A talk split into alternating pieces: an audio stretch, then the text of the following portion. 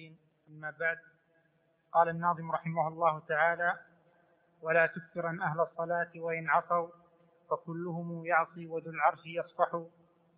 الحمد لله رب العالمين وصلى الله وسلم وبارك على نبينا محمد وعلى آله وأصحابه ومن تبعهم بإحسان إلى يوم الدين. قال ولا تكثرن أهل الصلاة وإن عصوا. الكفر هو التغطية في اللغة. والمراد بذلك أنه قد غطى إيمانه وأظهر الكفر. ولذلك يسمى الكافر كافرا لأنه قد لاح وظهر خروجه عن الإسلام وغطى إيمانه. قال أهل الصلاة فيه دليل على أن المصنف عليه رحمة الله تعالى يميل إلى كفر تارك الصلاة. وهذا الذي عليه الصحابة والتابعون والأدلة في ذلك عن رسول الله صلى الله عليه وسلم كثيرة. من ذلك ما رواه الإمام مسلم من حديث أبي الزبير عن جابر بن عبد الله أن رسول الله صلى الله عليه وسلم قال بين الرجل وبين الشرك ترك الصلاة. وكذلك ما رواه الإمام أحمد والترمذي والنسائي بن ماجه من حديث عبد الله بن بريدة عن أبيه. أن النبي عليه الصلاة والسلام قال العهد الذي بيننا وبينهم الصلاة فمن تركها فقد كفر. وهذا الذي عليه إجماع الصحابة عليهم رضوان الله تعالى كما روى الترمذي ومحمد بن نصر المروزي من حديث الجريري عن بشر بن المفضل أن عبد الله بن شقيق قال ما كان أصحاب رسول الله صلى الله عليه وسلم يرون شيئا من الأعمال تركوا كفرا إلا الصلاة. وهذا حكاية إجماع من الصحابة. وكذلك قد أجمع عليه التابعون كما روى محمد بن نصر من حديث حماد بن زيد عن أيوب أنه قال ترك الصلاة كفر لا نختلف فيه. وأما ما يحتج به البعض عند ابن ماجه والحاكم من حديث حذيفة اليمان أن رسول الله صلى الله عليه وسلم قال يدرس الإسلام كما يدرس وجه الثوب. حتى لا يدرى ما صلاة ولا صيام ولا صدقة ولا نسك. إلا أقوام يقولون لا إله إلا الله محمد رسول الله كنا نسمع آباءنا يقولونها فنقولها. قيل لحذيفة ما ما تفعل بهم لا إله إلا الله فقال تنجيهم من النار إلى أبالك احتج به البعض على عدم كفر تارك الصلاة وهو ليس بموطن حجة وذلك أنه قال في الخبر لا يدرى. لأنه لا يعلم أن ثمة صلاة وهذا ما يسمى بالجهل والعذر بالجهل. قال وإن عصوا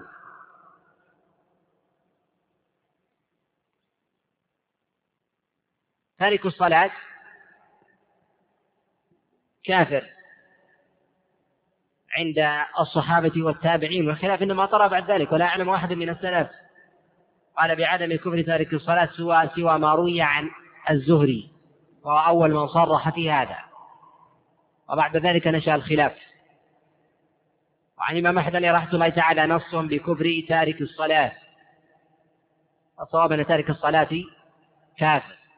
ومن صلى حينا وترك حينا كمن يصلي صلاتين في اليوم أو ثلاثة ويترك البقية فإنه مسلم مذنب مرتكب كبيرة وليس بكافر. لأنه قد روى الإمام أحمد في مسلم من حديث قتادة عن بن عاصم أن رجلا حدثهم أن قوم جاء النبي عليه الصلاة والسلام فقال فاشترطوا أن يدخلوا في الإسلام ويصلوا صلاتين فأذن له النبي عليه الصلاة والسلام. وعقيدة السنة والجماعة أن لا يكفر أحدا بذنب. ارتكبه. ما دام ما لم ينقض إيمانه بنواقض. ولذلك قال ولا تكثرن أهل الصلاة وإن عصوا ما دام أنهم يؤدون الصلاة وقبلتهم قبلتنا فليس لك أن تكفرهم بذنب وإن عصوا خلافا للخوارج والمعتزلة. فالمؤمن إن ارتكب المعصية وأذنب لا يكفر بذلك ما لم يقع في الشرك والكفر. وقد ذهب الخوارج المعتزلة إلى كفر تارك إلى كفر فاعل الكبيرة قال فكلهم يعصي وذو العرش يصفح.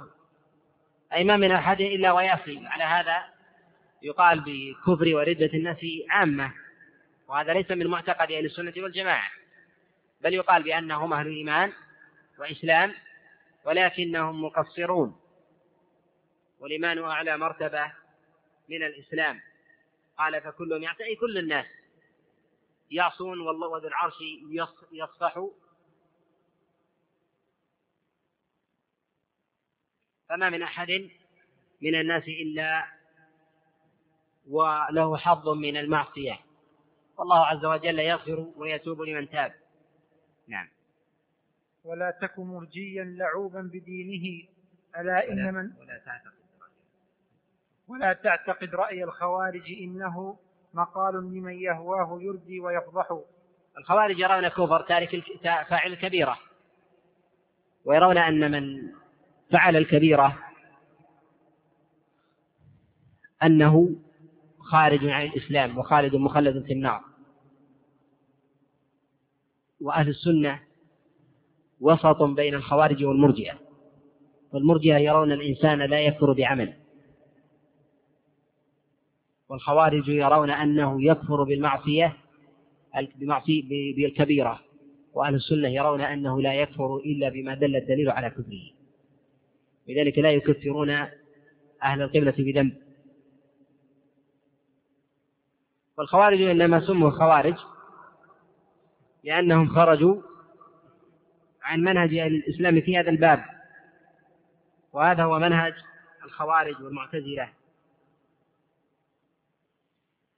يقول مقال مقال لمن يهواه يردي ويفضح أي يرضي الإنسان ويجره إلى الحكم بردة شاملة في الناس وأهل السنة الوارد عنهم أن من ترك شيئا من الواجبات لم يدل الدليل على أنه أن تاركه كافر لا يكفر. ولذلك يقولون أنه لا يلزم من ترك الواجب بغض إيجابه ولا يلزم من فعل المحرم بغض تحريمه. وخلافا للخوارج فإنهم يقولون أن من ترك الواجب دل الدليل على أنه أبغض إيجابه ومن فعل المحرم دل على أنه أبغض تحريمه فهم يكفرون باللازم. وأهل السنة لا يقولون بذلك. أن الإنسان ربما يغلبه هواه فيفعل الكبيرة لا بغضا للتحريم ويترك الواجب لا بغضا للإيجاب ولكن تفريطا واتباعا للهوى. ولذلك كان من أصحاب رسول الله صلى الله عليه وسلم من يشرب الخمر ويزني ويجلد وما يقام عليه حد الردة. النبي عليه الصلاة والسلام يقول كما في الصحيح من حديث عبد الله بن عباس من بدل دينه من بدل دينه فاقتلوه.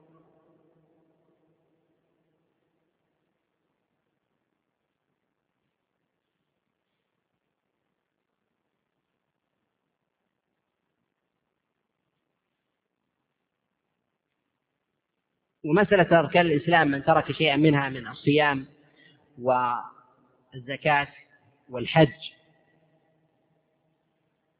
أما الصلاة فتقدم الكلام عليها فثمة قول لأهل السنة أن من ترك شيئا منها فهو كافر. وهذا قول, قول معروف. قال به غير واحد من السلف كسعيد بن جبير ونافع مولى عبد الله بن عمر والحكم بن غسيبة وابن حبيب المالكية وإسحاق بن راهوي. بل قد ذهب إسحاق بن راهوي عليه رحمة الله إلى أن من قال بعدم كفر من ترك شيئا من أركان الإسلام الخمسة أنه مرجئ. فيرى أن من أن من لم يكفر تارك الزكاة وتارك الصيام أنه مرجئ. وهذا رواية أي كفر من ترك شيئا من أركان الإسلام رواية عن الإمام أحمد عليه رحمة الله. وجماهير السلف على عدم كفر من ترك شيئا من أركان الإسلام سوى الركنين الأولين. وذهب إلى هذا أبو داود عليه رحمة الله تعالى فيرى أن من من لم يكفر تارك الصلاة في مثل الصلاة من لم يكفر تارك الصلاة أن فيه بذرة إرجاء كما في تراجمه في في السنن. نعم. ولا تك مرجيا لعوبا بدينه ألا إنما المرجي بالدين يمزح. قال ولا تك مرجيا مرجيا. المرجي مشتق من الإرجاء وأرجع الشيء إذا أجله وأخره. وكأنه أخر الإنسان ودفعه من من الكفر عن الكفر إلى الإيمان وأبقاه فيه. وقيل أنه أرجع أمره إلى الآخرة ولم يحكم فيه. والمرجئة هم شر المذاهب. بل قيل أنهم شر من الرافضة والخوارج. وذلك أنهم قد لعبوا بالدين فلم يطلقوا على أحد كفرا وهم على مراتب. ولاة المرجئة الذين يرون أن الإيمان محله القلب فقط تصديق القلب. وأن الإنسان إن كفر بلسانه أو بجوارحه أنه لا يكفر. وهؤلاء شر الملل والنحل واليهود والنصارى خير منهم. وذلك أنه بقوله ذلك يلزم منه إدخال إبليس في الإسلام والإيمان وإدخال فرعون وهامان وإدخال كفار قريش وأنه لا يدخل في الكفر أحد أبدا. وذلك أنه ما من أحد إلا ويؤمن بربوبية الله سبحانه وتعالى. فإبليس آمن بقلبه قطعا وصدق. لكنه كفر بلسانه وجوارحه فهو يعلم يقينا أن الله عز وجل واحد ومستحق لعباده فهو على قول المرجئة أنه مؤمن. كذلك فرعون مؤمن بصدق موسى عليه الصلاة والسلام وأن ما جاء به هو الحق. ولذلك لما أدركه الغرق قال آمنت بالذي آمنت به بنو إسرائيل. خرج ما في قلبه على لسانه ولكن لما أدركه الغرق ولذلك جبريل كان يقول النبي عليه الصلاة والسلام كما في الصحيح لقد رأيتني يا محمد وإني لآخذ التراب وأضع في فم فرعون خشية أن تدركه رحمة الله. وعليه على هذا القول قول غلاة يلزم منه إدخال كفار قريش أيضا في الإسلام. ولذلك الله عز وجل قد وصف حال كفار قريش في مقابل دعوة محمد صلى الله عليه وسلم أنهم أنهم مصدقون بقلوبهم. ولذلك قال الله عز وجل عن حالهم وجحدوا بها واستيقنتها أنفسهم ظلما وعلوا. ما الذي استيقنتها أنفسهم؟ هو بصدق رسالة محمد صلى الله عليه وسلم. بل من نظر إلى كلام أبي طالب عن النبي عليه الصلاة والسلام ونظر إلى تصديقه الذي بدا على بعض كلامه بنبوة محمد صلى الله عليه وسلم على قولهم هذا أنه يلزم أن يكون مؤمن لأن الإيمان محله القلب. فعليه فكل من آمن بقلبه وصدق بالشيء وإن كفر بلسانه وجوارحه فإنه مؤمن. وعلى هذا كل الكفر الذين حكى الله عز وجل أنهم في النار. وجعل نسأل النبي عليه الصلاة والسلام أنهم لا يدخلون على قولهم وهذا شر المذاهب على الإطلاق. ولذلك أبو طالب يمدح النبي عليه الصلاة والسلام ويبين أنه صاحب دعوة حق بل ناصر النبي عليه الصلاة والسلام وما منعه من الاتباع إلا العار. يقول والله لن يصلوا إليك بجمعهم حتى أوسد بالتراب دفينة. فاصدع بأمرك ما عليك غضاضة وابشر بذاك وقر منه عيونا.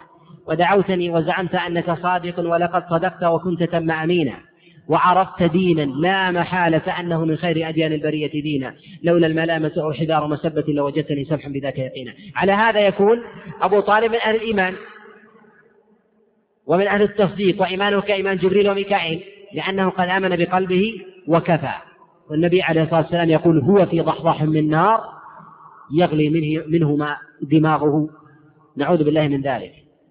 وهذه الفئة من المرجئة هم الذين ذهبوا إلى ذهبوا إلى شر ما لم تذهب إليه ملة أو أصحاب شريعة كاليهودية والنصرانية بل أن اليهود والنصارى خير خير منهم فهم أقرب إلى الإلحاد. وذهب إلى هذا الملاحدة من آه، ابن هود وابن سبعين والتلمساني وغيرهم. ثم الفئة الثانية من المرجئة الذين قالوا أن الإيمان هو اعتقاد بالقلب وقول باللسان فيرون أن عمل الجوارح لا علاقة لها بالإيمان. وأن الإنسان لا يعقب عليها وإنما تزيد من عمل الإنسان مرتبة في الجنة فحسب. وإلا هو يدخل الجنة وينجو من النار باعتقاد قلبه وبقول لسانه. مع قولهم أنه لو نقض قول لسانه بقول آخر أنه لا يحاسب عن ذلك حتى يسأل ويقرر عما في قلبه. فهم أخرجوا أخرجوا العمل كله من الإيمان.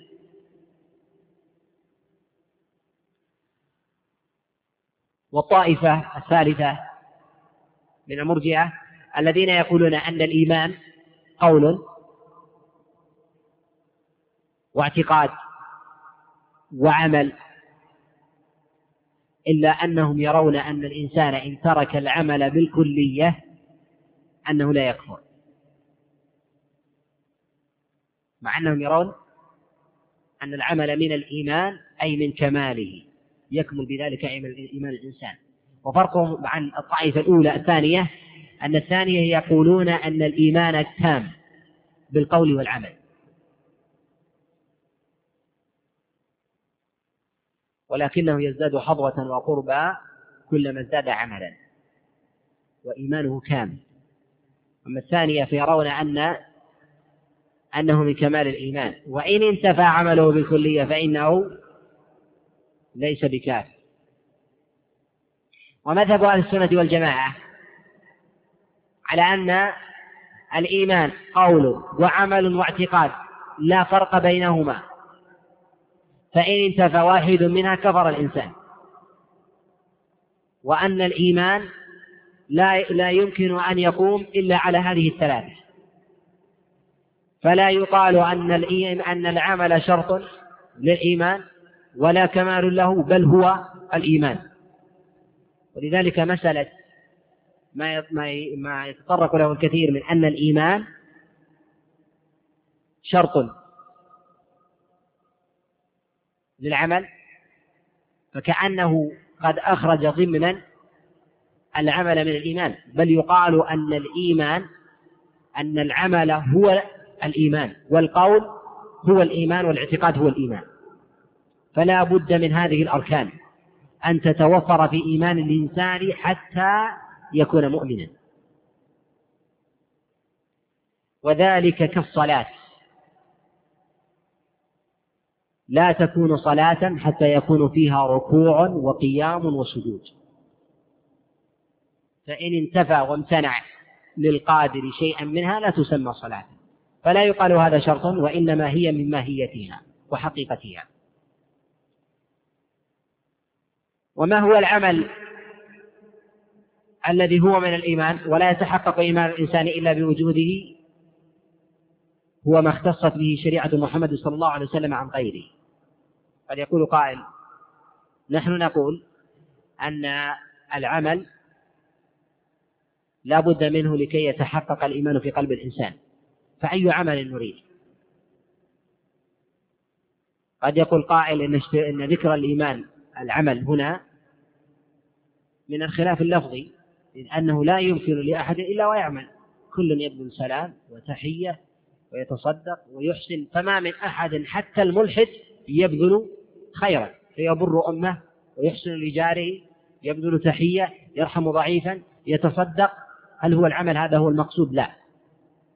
المقصود هو عمل اختصت به شريعة محمد صلى الله عليه وسلم عن سائر الشرائع. فمما اختصت به كالصلاة والصيام والحج العمرة وغير ذلك من أعمال الطاعات التي اختصت بها شريعة محمد صلى الله عليه وسلم فلا بد منها.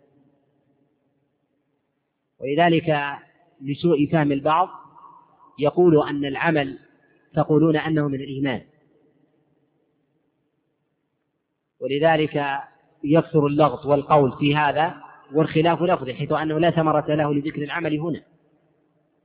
فبما أنكم تقولون أن لا يكفر أحد بشيء من الأعمال إلا الصلاة والصلاة موطن الخلاف عند العلماء هل يكفر صاحبها أو لا يكفر وإذا قلنا أنه لا يكفر فالإنسان لابد أن يعمل جنس جنس خير. فلا بد لأحد مسلم أن يعمل خيرا وهذا معلوم. فإما أن يبر أمه أو أباه ويتصدق على أخيه أو يسلم على جاره ويبذل تحية ويرحم ضعيفا ويميط أذى عن طريق وينظف نفسه ويفعل ويفعل من من الأمور التي جاءت بها الفطر واشتركت فيها الشرائع كلها. ولذلك اشتركت سائر الشرائع بالأخلاق كلها. ولذلك يقول العلماء عليهم رحمة الله أن ما ينسخ في الشرائع هو الأحكام وما لا ينسخ العقائد والأخلاق والأخبار هذه لا تنسخ. أما الفضائل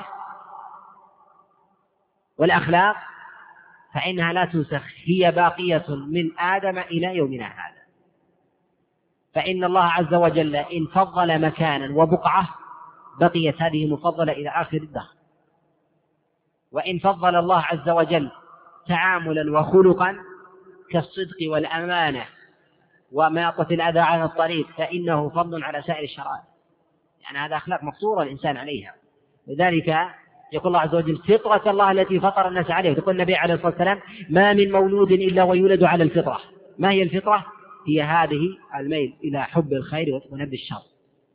ولا عبرة بالفطر الشاذة المنحرفة التي تميل عن مواطن الخير ونحو ذلك وإن كان لا يوجد فطرة شاذة خالصة فلا بد أن يوجد فيها شيء من بذرة الخير من حب خير ونحو ذلك. وإن كابر الإنسان وجعل من نفسه شاذا إلا أن يوجد لديه بذرة من الفطرة إلا أن هذا لا يعدل الإنسان من دائرة الكفر إلى الإيمان إلا بالعمل الخاص الذي اشتركت به التي اختصت به شريعة محمد صلى الله عليه وسلم.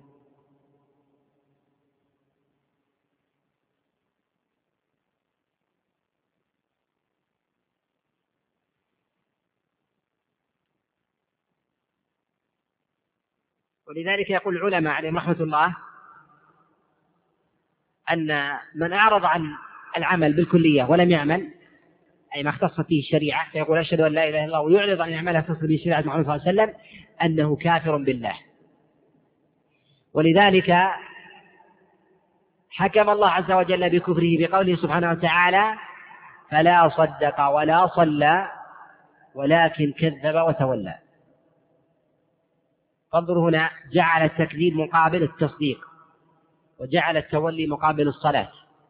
قال فلا صدق ولا صلى ولكن كذب وتولى أي كذب بالتصديق ما يجب عليه تصديقه وتولى عن العمل الذي مثل له هنا بالصلاة. ولذلك التولي عن الدين والإعراض عنه وعن تعلمه والعمل به كفر بالله سبحانه وتعالى وإخراج من الملة. فمن قال أن أن الإيمان والإسلام هو قول وعمل فحسب فهو من المرجئة ومن قال أن الإيمان قول وعمل واعتقاد إلا أن العمل من مكملات الإيمان. وأن الإنسان يرفع بذلك درجة ولكن لا يكفر بترك شيء من الأعمال أو بتركها كلية فهذا قول المرجئة. وليس قول وليس قول أهل السنة. قال لعبا بدينه ألا إنما المرجئ بالدين يمزح. وهنا أشار إلى أن المرجئ يتلاعب بالدين. وذلك أنه قد جعل من دينه حظوة لغيره وضل بنفسه. ولذلك يقول النضر بن شميل الإرجاء دين يحبه السلاطين يصيبون به من من دنياه. فإن السلاطين وأرباب الدنيا يميلون إلى الإرجاء وذلك أنه لا يكفرهم أحد. فمهما فعلوا.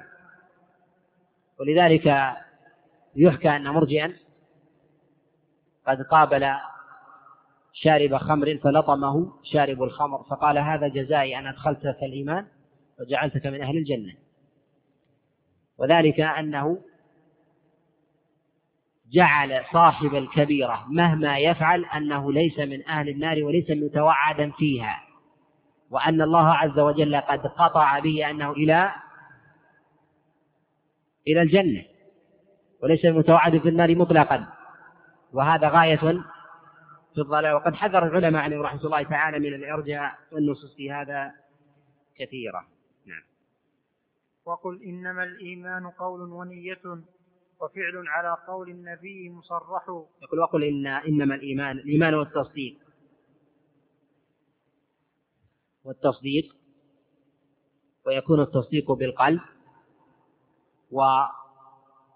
واللسان والجوارح وكلها تسمى تصديقا. هذا قول القول هو يختص باللسان ويسمى أيضا القول فعلا ويسمى عملا. واختلف بعض الأصوليين وخالف بعض الأصوليين بقولهم أن القول لا يسمى فعلا والصواب أنه يسمى فعلا.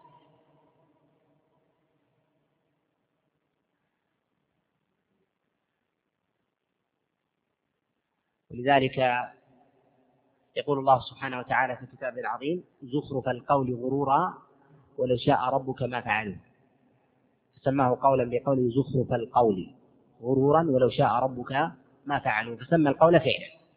قد خالف بعضهم وقالوا أن القول لا يسمى فعلا وإنما يسمى قولا وهذا قد يكون من الخلاف من الخلاف اللفظي. لكن يقال أن العمل بالجملة يكون بالقلب عمل القلب وعمل اللسان وعمل الجوارح. أما الفعل فأخرج بعضهم القول عن الفعل وقالوا أنه لا يسمى فعل ولكنه يسمى يسمى قولا. قال ونية والنية محلها القلب واشتقاقها من النوى. ولذلك النواة محلها القلب محلها قلب الثمرة. وسميت نواة لخفائها. في جوف الثمرة. وذلك النية أن محلها القلب ولا ترى في الظاهر. حتى تظهر. وماذا ما الذي يظهرها؟ يظهرها اللسان والجوارح. وذلك أنها لا تظهر عيانا لكن علامة عليها قول اللسان وعمل الجوارح. ويسمى وتسمى النية بعمل القلب. ولذلك يقول البخاري عليه رحمة الله تعالى في الصحيح باب من قال أن الإيمان هو العمل. الإيمان القلبي لذلك يقول الله سبحانه وتعالى في الكتاب العظيم فوربك لنسألنهم أجمعين عما كانوا يعملون. عن لا إله إلا الله. ولا إله إلا الله محلها القلب واللسان ويصدق ذلك الجوارح. ويقول الله سبحانه وتعالى تلك الجنة ورثتموها بما كنتم تعملون. والعمل هنا المراد به عمل القلب وعمل اللسان وكذلك الجوارح. قال وفعل وأراد بذلك عمل الجوارح وذلك لأنه قد جاء معطوفا على القول والنية قال على قول على قول النبي مصرح. وبعضهم قد جعل الفعل يخالف العمل قال فالعمل أعم والفعل أخص. فالفعل متعلق بالجوارح والعمل متعلق بالجوارح واللسان والقلب. والذي يظهر والله أعلم أن ثمة بينها عموما وخصوصا. ومن قال بالترادف فما أبعد.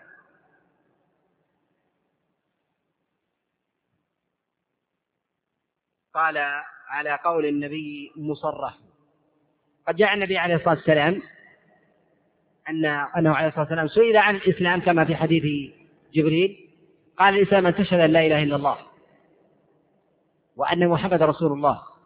وتقيم الصلاة وتؤتي الزكاة وتصوم رمضان وتحج البيت إن استطعت إليه سبيلا.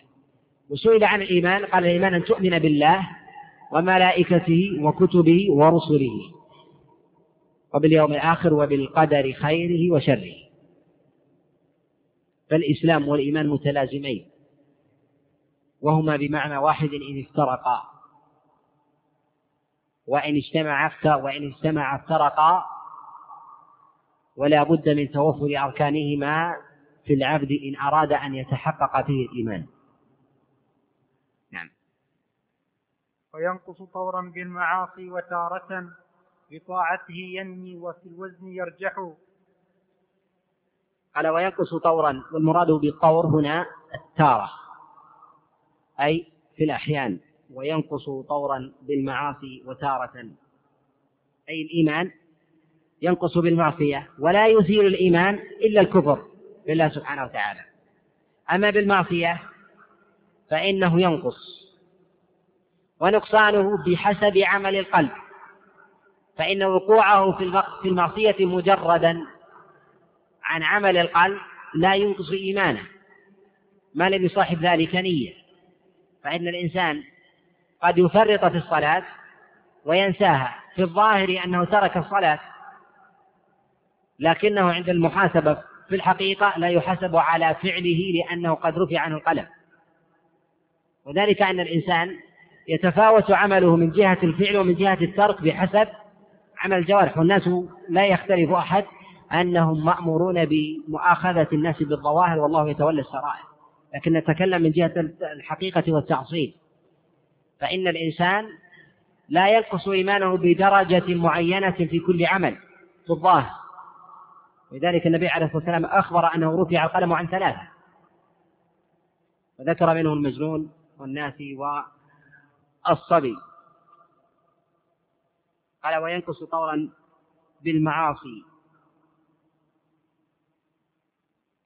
وتارة بطاعته ينمي وفي الوزن يرجح. الإيمان عند أهل السنة والجماعة يزيد وينقص. يزيد بالطاعة وينقص بالمعصية. ولا يزيل الإيمان من قلب الإنسان إلا الكفر وما يفسد الإيمان من نواقضه. ويزداد بالطاعات فكلما ازداد بالطاعة بلغ الإيمان.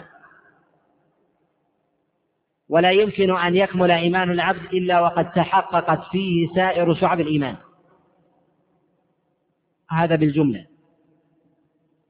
وقد يتحقق فيه ذلك دون ذلك ولكنه نادر. أما الكفر فإنه يتحقق في الإنسان بوجود شعبة من شعب الكفر ولا يلزم وجود شعب الكفر كلها. فلو كان الرجل فيه سائر شعب الإيمان إلا شعبة قد نقضها بشعبة الكفر فإنه يكفر بذلك. وهذا الفرق بين بين شعب الكفر وشعب الإيمان. وذلك أن الإنسان يبلغ كمال الكفر بشعبة واحدة ولا يبلغ كمال الإيمان إلا بتوفر الشعب كلها. ولذلك يجهل الكثير أن الإنسان كيف يكفر؟ وهو يذكر الله ويصلي ويصوم ونحو ذلك إذا ظهر منه مكفر. فيقال كيف يكون فلان كافرا؟ ونحن نراه يصلي ويزكي ويصوم ونحو ذلك. بينما هو قد وجد فيه شعبة من شعب الكفر التي تخرجه من الإيمان كتكذيبه بشيء من الوحي. أو جحده لشيء مما تواتر. أو استهزائه بالشريعة بالله وآياته. ونحو ذلك. ولذلك يتحقق الكفر كله في قلبه. ويكون قد وصل إلى أعلى درجات الكفر. أعلى درجاته أدنى دركات الكفر بشعبة واحدة. والكفر ملة واحدة والإيمان لا يمكن أن يتحقق به إلا بتوفر سائر شعب الإيمان.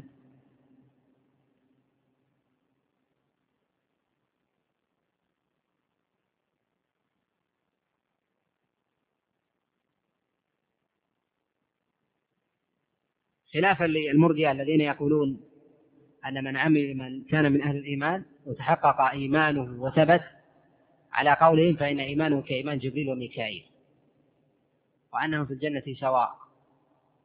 وهذا لا شك أنه قول شر. نعم. ودع عنك آراء الرجال وقولهم فقول رسول الله أزكى وأشرح.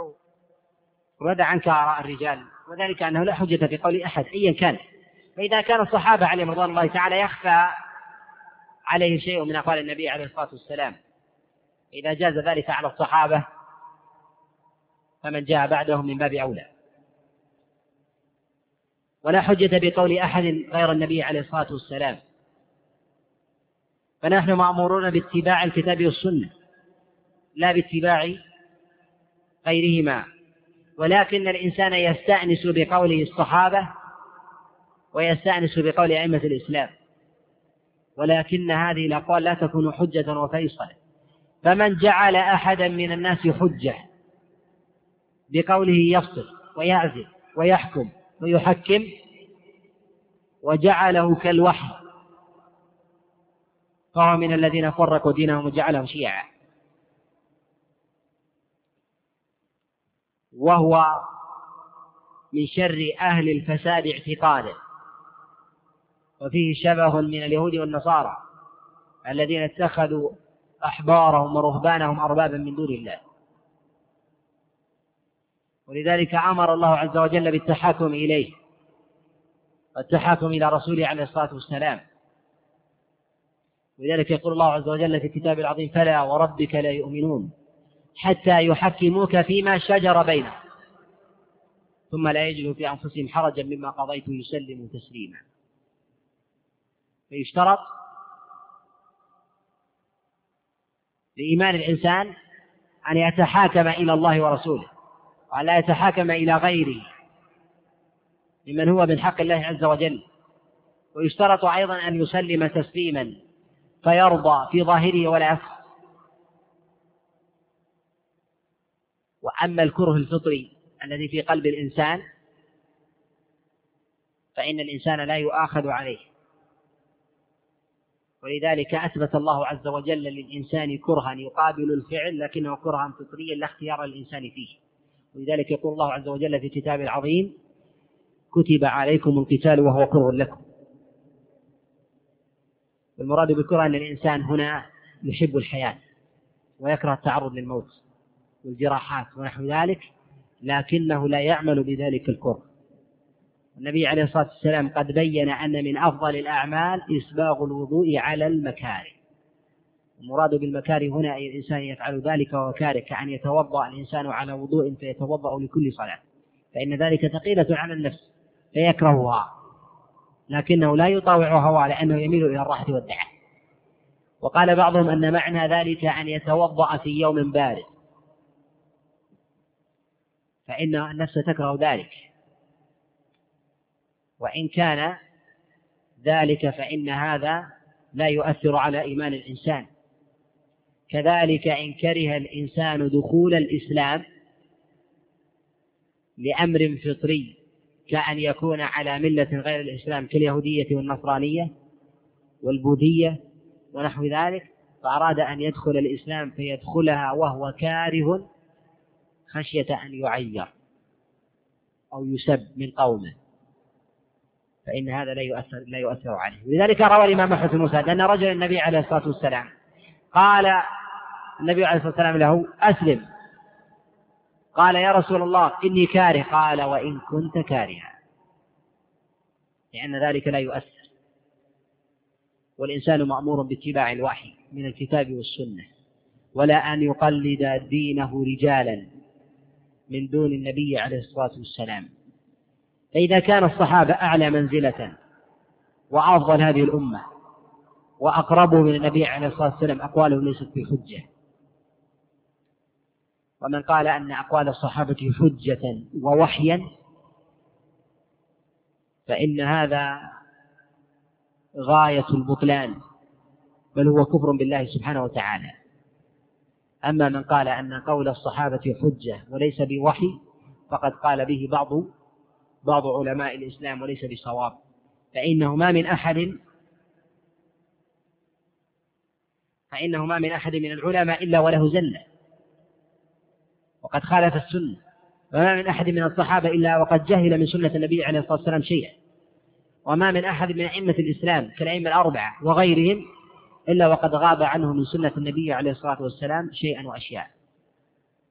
فإذا علم ذلك علم أن قولهم يستأنس به ولكنه لا يكون حجة قاطعة.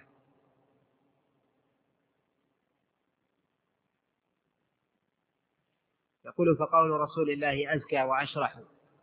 أزكى أي يزكي النفوس وبه تزكو ولا تزكو بقول غيره. وقيل زكى فلان أي إذا نمى وارتفع في الخير. قال وأشرح وأشرح للصدر. وذلك أن الإنسان إن اعتمد على قول غير النبي عليه الصلاة والسلام وأخذ به مع ظهور كلام النبي عليه الصلاة والسلام فإن نفسه لا تطيب. وذلك أنه يكون من جملة المتعصبة المنابذين لكلام النبي عليه الصلاة والسلام. ومن قال أن أقوال العلماء حجة وأنه يسوغ للإنسان مخالفتهم مع ورود الدليل فتلك زندقة. وأما من يتتبع قول فلان وقول فلان وقول فلان ليأخذ من هذا رخصة ومن ذلك رخصة حتى يكون له بذلك دين فذلك بعد عن الحق. وزندقة ولذلك يقول العلماء من تتبع الرخص الرخص فقد تزندق. وذلك أنه قد جعل له دينا من كل واحد. والعلماء الذين يتكلمون على التقليد وأنه يسوغ للعالم أن يقلد لم يسوغ له أن يقلد بهواه على التسليم بقولهم بجواز التقليد على الإطلاق. لم يقولوا أنه يقلد ما يشاء ومتى شاء بهواه ولكنه يقلد تدينا لا يقلد لهواه. فإذا احتاج لأمر علم أن فلان أباح فمال لقول فلان. فإن قلد يقلد واحدا ويأخذ بقوله. لا أن يأخذ من هذا جوازا. وإن علم بذاك أنه قال بحرمة تركه إلى الآخر فيأخذ من كل مسألة أهونها وأقربها إلى نفسه. ولذلك يقول الشاعر الشافعي من الأئمة قائل اللعب بالشطرنج غير حرام. وأبو حنيفة قال وهو مصدق في كل ما يرى من الأحكام شرب المثلث والمربع جائز فاشرب على أمن من الآثام. وأباح أحمد جلد عميرة وبذاك يستغنى عن الأرحام. وأباح مالك الفقاح تكرما بظهر جارية وظهر غلام. فاشرب ولط وزني وقامر واحتجج بكل مسألة بقول إمامي. هذه الزندقة. هذه الزندقة والإلحاد أن يجعل الإنسان له دينا في الإباحة في كل محرم. فيحتج بقول فلان وفلان. وقد يعذر ذلك الإمام لأنه قد استفرغ وسعه في تتبع الدليل ولا يعذر مقلده. وذلك أنه قلد لهواه. وهذا ميل عن الحق. والله عز وجل إنما أمر بطاعته وطاعة نبيه عليه الصلاة والسلام. ولا تك من قوم تلهوا بدينهم فتطعن في, فتطعن في أهل الحديث وتقدحوا. يقول ولا تكن من قوم تلهوا بدينهم. فتطعن في أهل الحديث وتقدحوا هنا يشير المصنف عليه رحمة الله إلى أن من يطعن في أهل الحديث وهم اتباع أتباع سنة النبي عليه الصلاة والسلام أنه رجل يلعب بدينه وما أراد حقا وما أراد صوابا وما أراد وما أراد امتثالا وتعبدا وإنما يلهو ويلعب بدينه. ولذلك يقول ولا تكن من قوم تلهوا بدينه أي جعلوا دينهم لهوا ولعبا كما فعل أسلافهم الذين تهزأوا بسنة الله سبحانه وتعالى في خلقه التي أوحاها الله عز وجل إلى أنبيائه. ولذلك من طعن في أهل الحديث بالإجمال أنه يغلب عليه أنه لا يكون من أهل الإسلام أصلا. وذلك أنه لا يمكن لأحد أن يجمل طعنا في أهل الحديث ويكون مراده ذواتهم. وذلك أنهم لا يشتركون إلا بالسنة. وإنما سموا بذلك لاقتفائهم لأثر النبي عليه الصلاة والسلام. والنبي عليه الصلاة والسلام قد امتدح أتباعه. ولذلك يقول عليه الصلاة والسلام نظر الله امرأ سمع مقالتي فوعاها فبلغها ورب مبلغ أو عن سامع ويقول عليه الصلاة والسلام بلغوا عني ولو آية وحدثوا عن بني إسرائيل ولا حرج ولا تكذبوا علي فإنه من كذب علي فليتبوأ مقعده من النار. والحديث عن رسول الله صلى الله عليه وسلم والتبليغ عنه هو خير العلم وخير الفضل وأتباعه عليه الصلاة والسلام هم أهل الحديث. وهم الفرقة الناجية والطائفة المنصورة الذين أخبر النبي عليه الصلاة والسلام عنه بقوله كما في الصحيح لا تزال طائفة من هذه الأمة ظاهرين على الحق لا يضرهم من خالفهم ولا من ولا من خذلهم حتى يأتي أمر الله وهم على ذلك. فمن طعن فيهم أو قدح فيهم أو عيرهم فإنه على الأغلب ما قصد إلا سنة النبي عليه الصلاة والسلام. وقصد الوحي فهو حينئذ يكون ممن تلهى بدينه وتلاعب وليس هو على الحقيقة. نعم.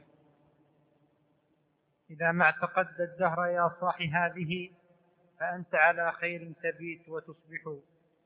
هنا ختم منظومته المصنف عليه رحمة الله بتنبيه أن هذه العقيدة إن اعتقدها الإنسان. وقوله اعتقدت مأخوذ من العقد وهو دليل على شدة الإبرام والمسك. ولذلك يقال فيما فيما يدين به الإنسان اعتقادا أي أنه قد ربط جأشه وعقيدته فيه لذلك قال إذا ما اعتقدت الدهر أي لزمت ذلك. ولذلك قال الدهر أي تبقى على ذلك على الدوام فلا تحيد عنه. فإن الإنسان يكون على الصواب الأمر هين لكن المداومة عليه أصعب. ولذلك يقول النبي عليه الصلاة والسلام لما سأل الثقفي قال دلني على عمل في الإسلام لا أسأل عنه أحدا بعدك. قال قل آمنت بالله تستقم قال إذا ما اعتقدت الدهر يا صاحي هذه. يا صاحي يعني يا صاحبي فأنت على خير تبيت وتصبح أي أنه ما إن متى ما جاءك أجلك من الله سبحانه وتعالى الذي لا تتقدم عنه ساعة ولا تتأخر فأنت على خير وأنت على هداية وأنه إن ختم لك بذلك فإنك على توفيق ورشاد. وقد جاء عن المصنف عليه رحمة الله أنه قد ختم مؤلفه هذا بقوله هذا قولي يعني عقيدته هذا قولي وقول والدي وقول الإمام أحمد وسائر العلماء ممن أخبرنا عنهم ومن أخبر بغير ذلك فقد كذب.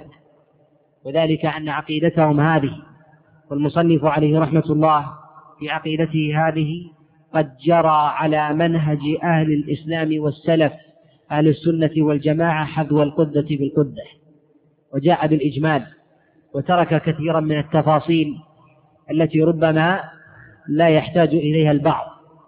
فأغنت الطالب والمتعلم وكفت العالم فينبغي لطالب العلم أن يعتني بها حفظا ومدارسة والنظر فيها مداومة حتى يسلم له دينه. وبهذا نكتفي بهذا الشرح وهذا التعليق. وأسأل الله عز وجل أن يجعلني وإياكم ممن يستمع القول فيتبع أحسنه ويسلك بي وبكم منهجا قويما وصراطا مستقيما. وننتقل إلى الأسئلة.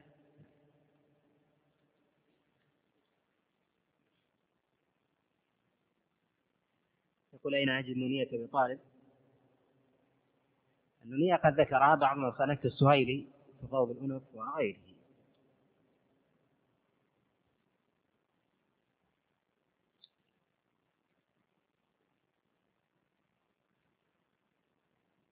يقول ذكر في نهاية البيت الثامن عشر تعليقا أسفل.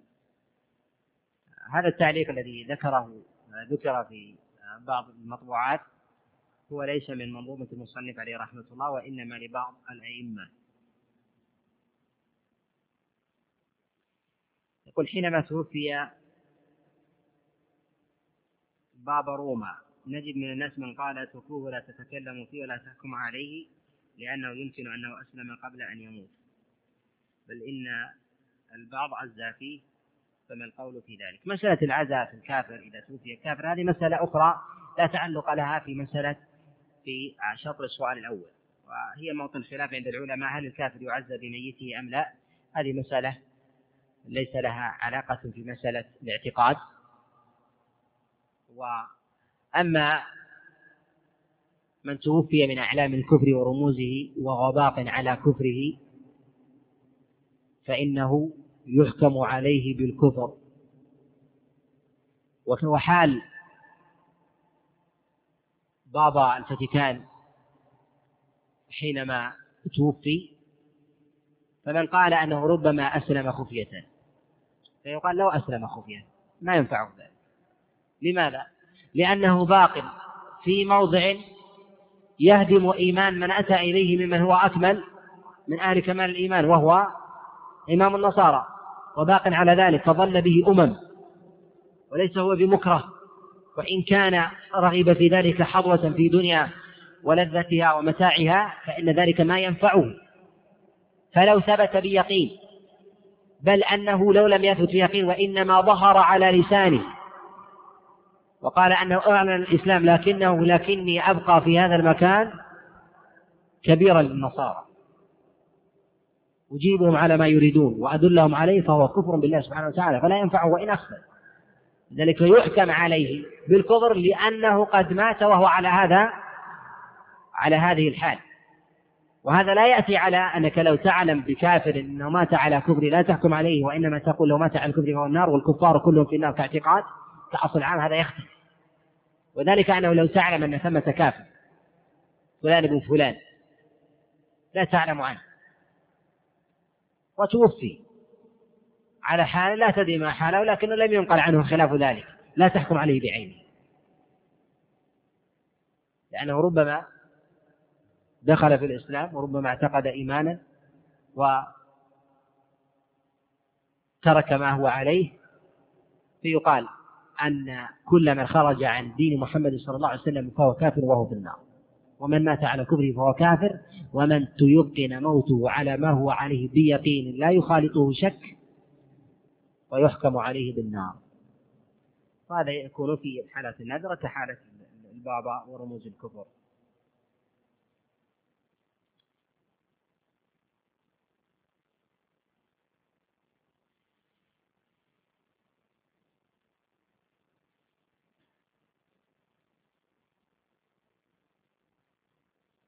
وما هو مقصود المؤلف بقوله وأن خير الناس هل أمة محمد أم جميع الأمم؟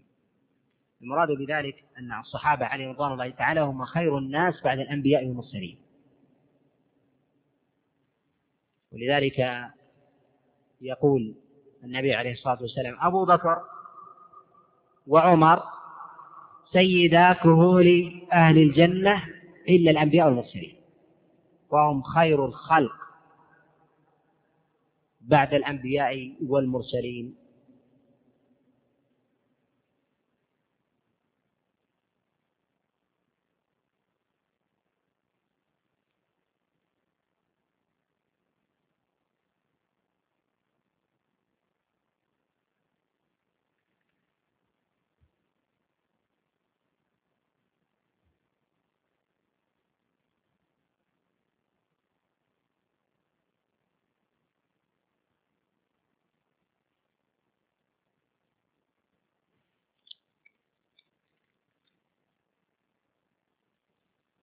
يقول هل لهذه المنظومة شروح؟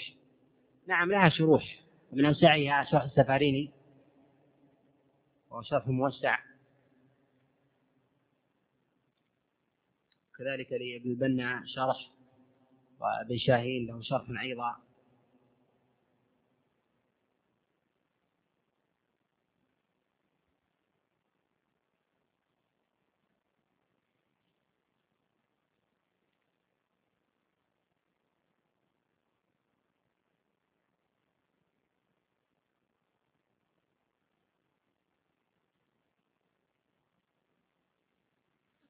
يقول هل الشيخ الألباني كان يرى أن أن الأعمال والأقوال أن من ترك الأعمال والأقوال لا يكفر. لا الألباني عليه رحمة الله يرى أن الإيمان قول وعمل واعتقاد لكنه يرى أن من ترك العمل بالكلية أنه لا يكفر. فيرى أن الإيمان أن العمل من الإيمان فلا يخرجه منه. ولكنه يقول أن من تركه أنه لا يكفر أي من ترك جنس العمل.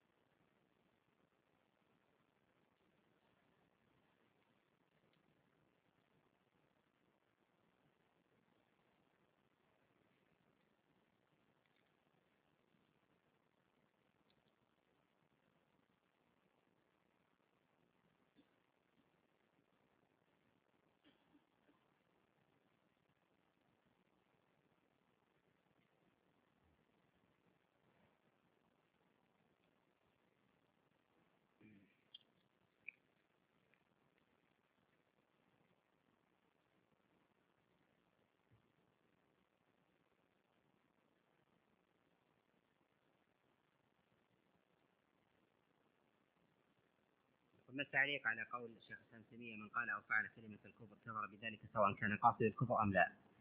المراد بالقصد هو أن يقصد أنه بفعله هذه هذا يريد أن يكفر بالله سبحانه وتعالى. وذلك أنه لا يقصد أحد الكفر إلا ما شاء الله. كما ذكر ذلك الشيخ الإسلام تيمية عليه رحمة الله.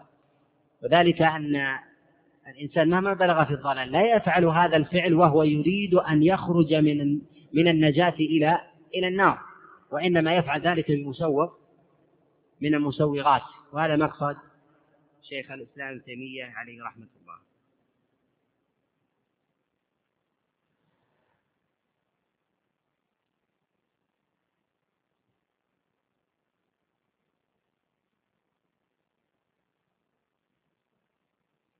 هل تحية المسجد فيها سجود سهو؟ نعم. فإن سهى فيها الإنسان فإنه يسجد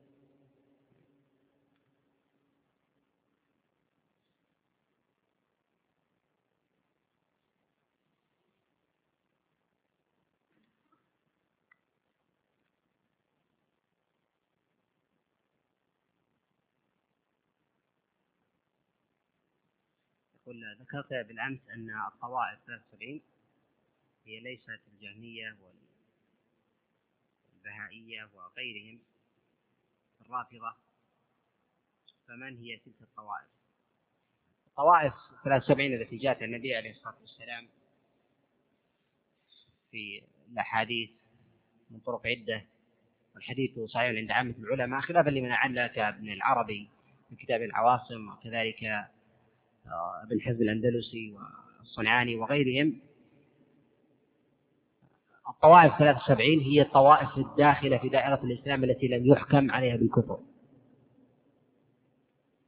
ويدخل في هذه الطوائف الطوائف البدعية التي بدعتها لا تكفرها. فكل طائفة لا يحكم بكفرها وأنها على الإسلام ولكنها ابتدعت فهي من هذه الطوائف 73 فإذا نظرت في كلام العلماء فالعلماء مثلا اختلفوا في الخوارج هل هم كفار أم لا؟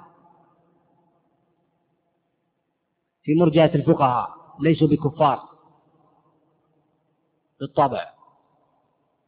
الخوارج قد اختلف العلماء فيه. الأشاعرة ليسوا بكفار الماتريدية. هؤلاء من؟ طوائف البدعية هؤلاء وأمثالهم مثلا من من الطوائف والأحزاب التي تدعي إسلاما وهي على الحقيقة على الإسلام لكن لديها بدع وشوائب في الضلال ونحو ذلك. كالشيعة خفيف التشيع الذي فيه تشيع لا يخرجهم من الملة لكنهم يقعون في البدعة فهو من الطوائف الثلاثة وسبعين. فلا يحكم على أحد بعينه منهم أنه من أهل النار ولكن يقال الطوائف البدعية متوعدة بالنار إلا من رحم الله عز وجل منهم.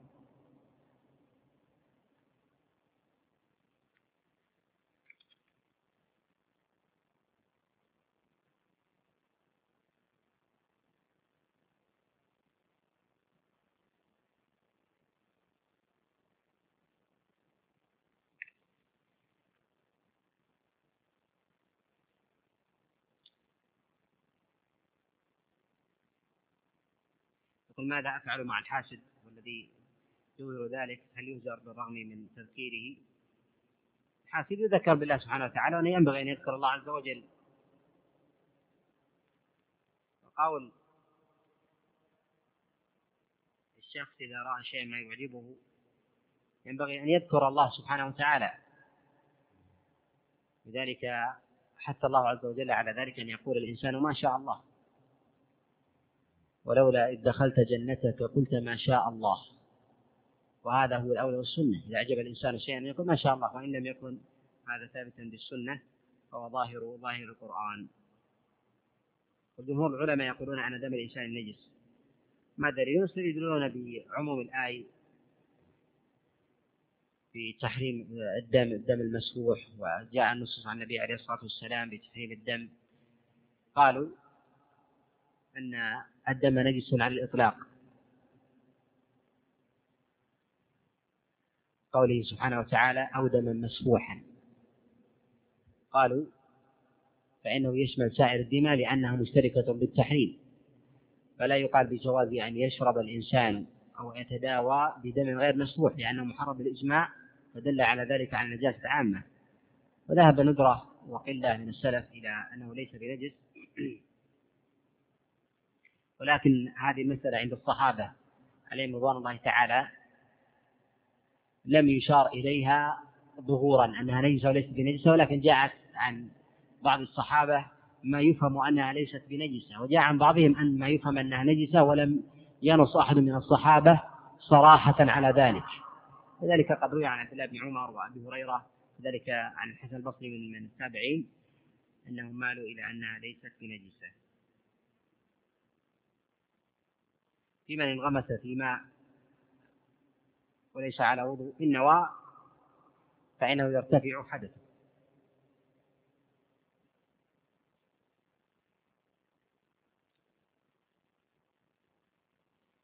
التفات الإنسان إذا وجد شيئا من وسواسه ونحو ذلك في الصلاة فإنه ينفث عن يساره لا لا يبصق ولا يبصق وإنما ينفث نفسا عن يساره يسيرا من غير من غير التفات.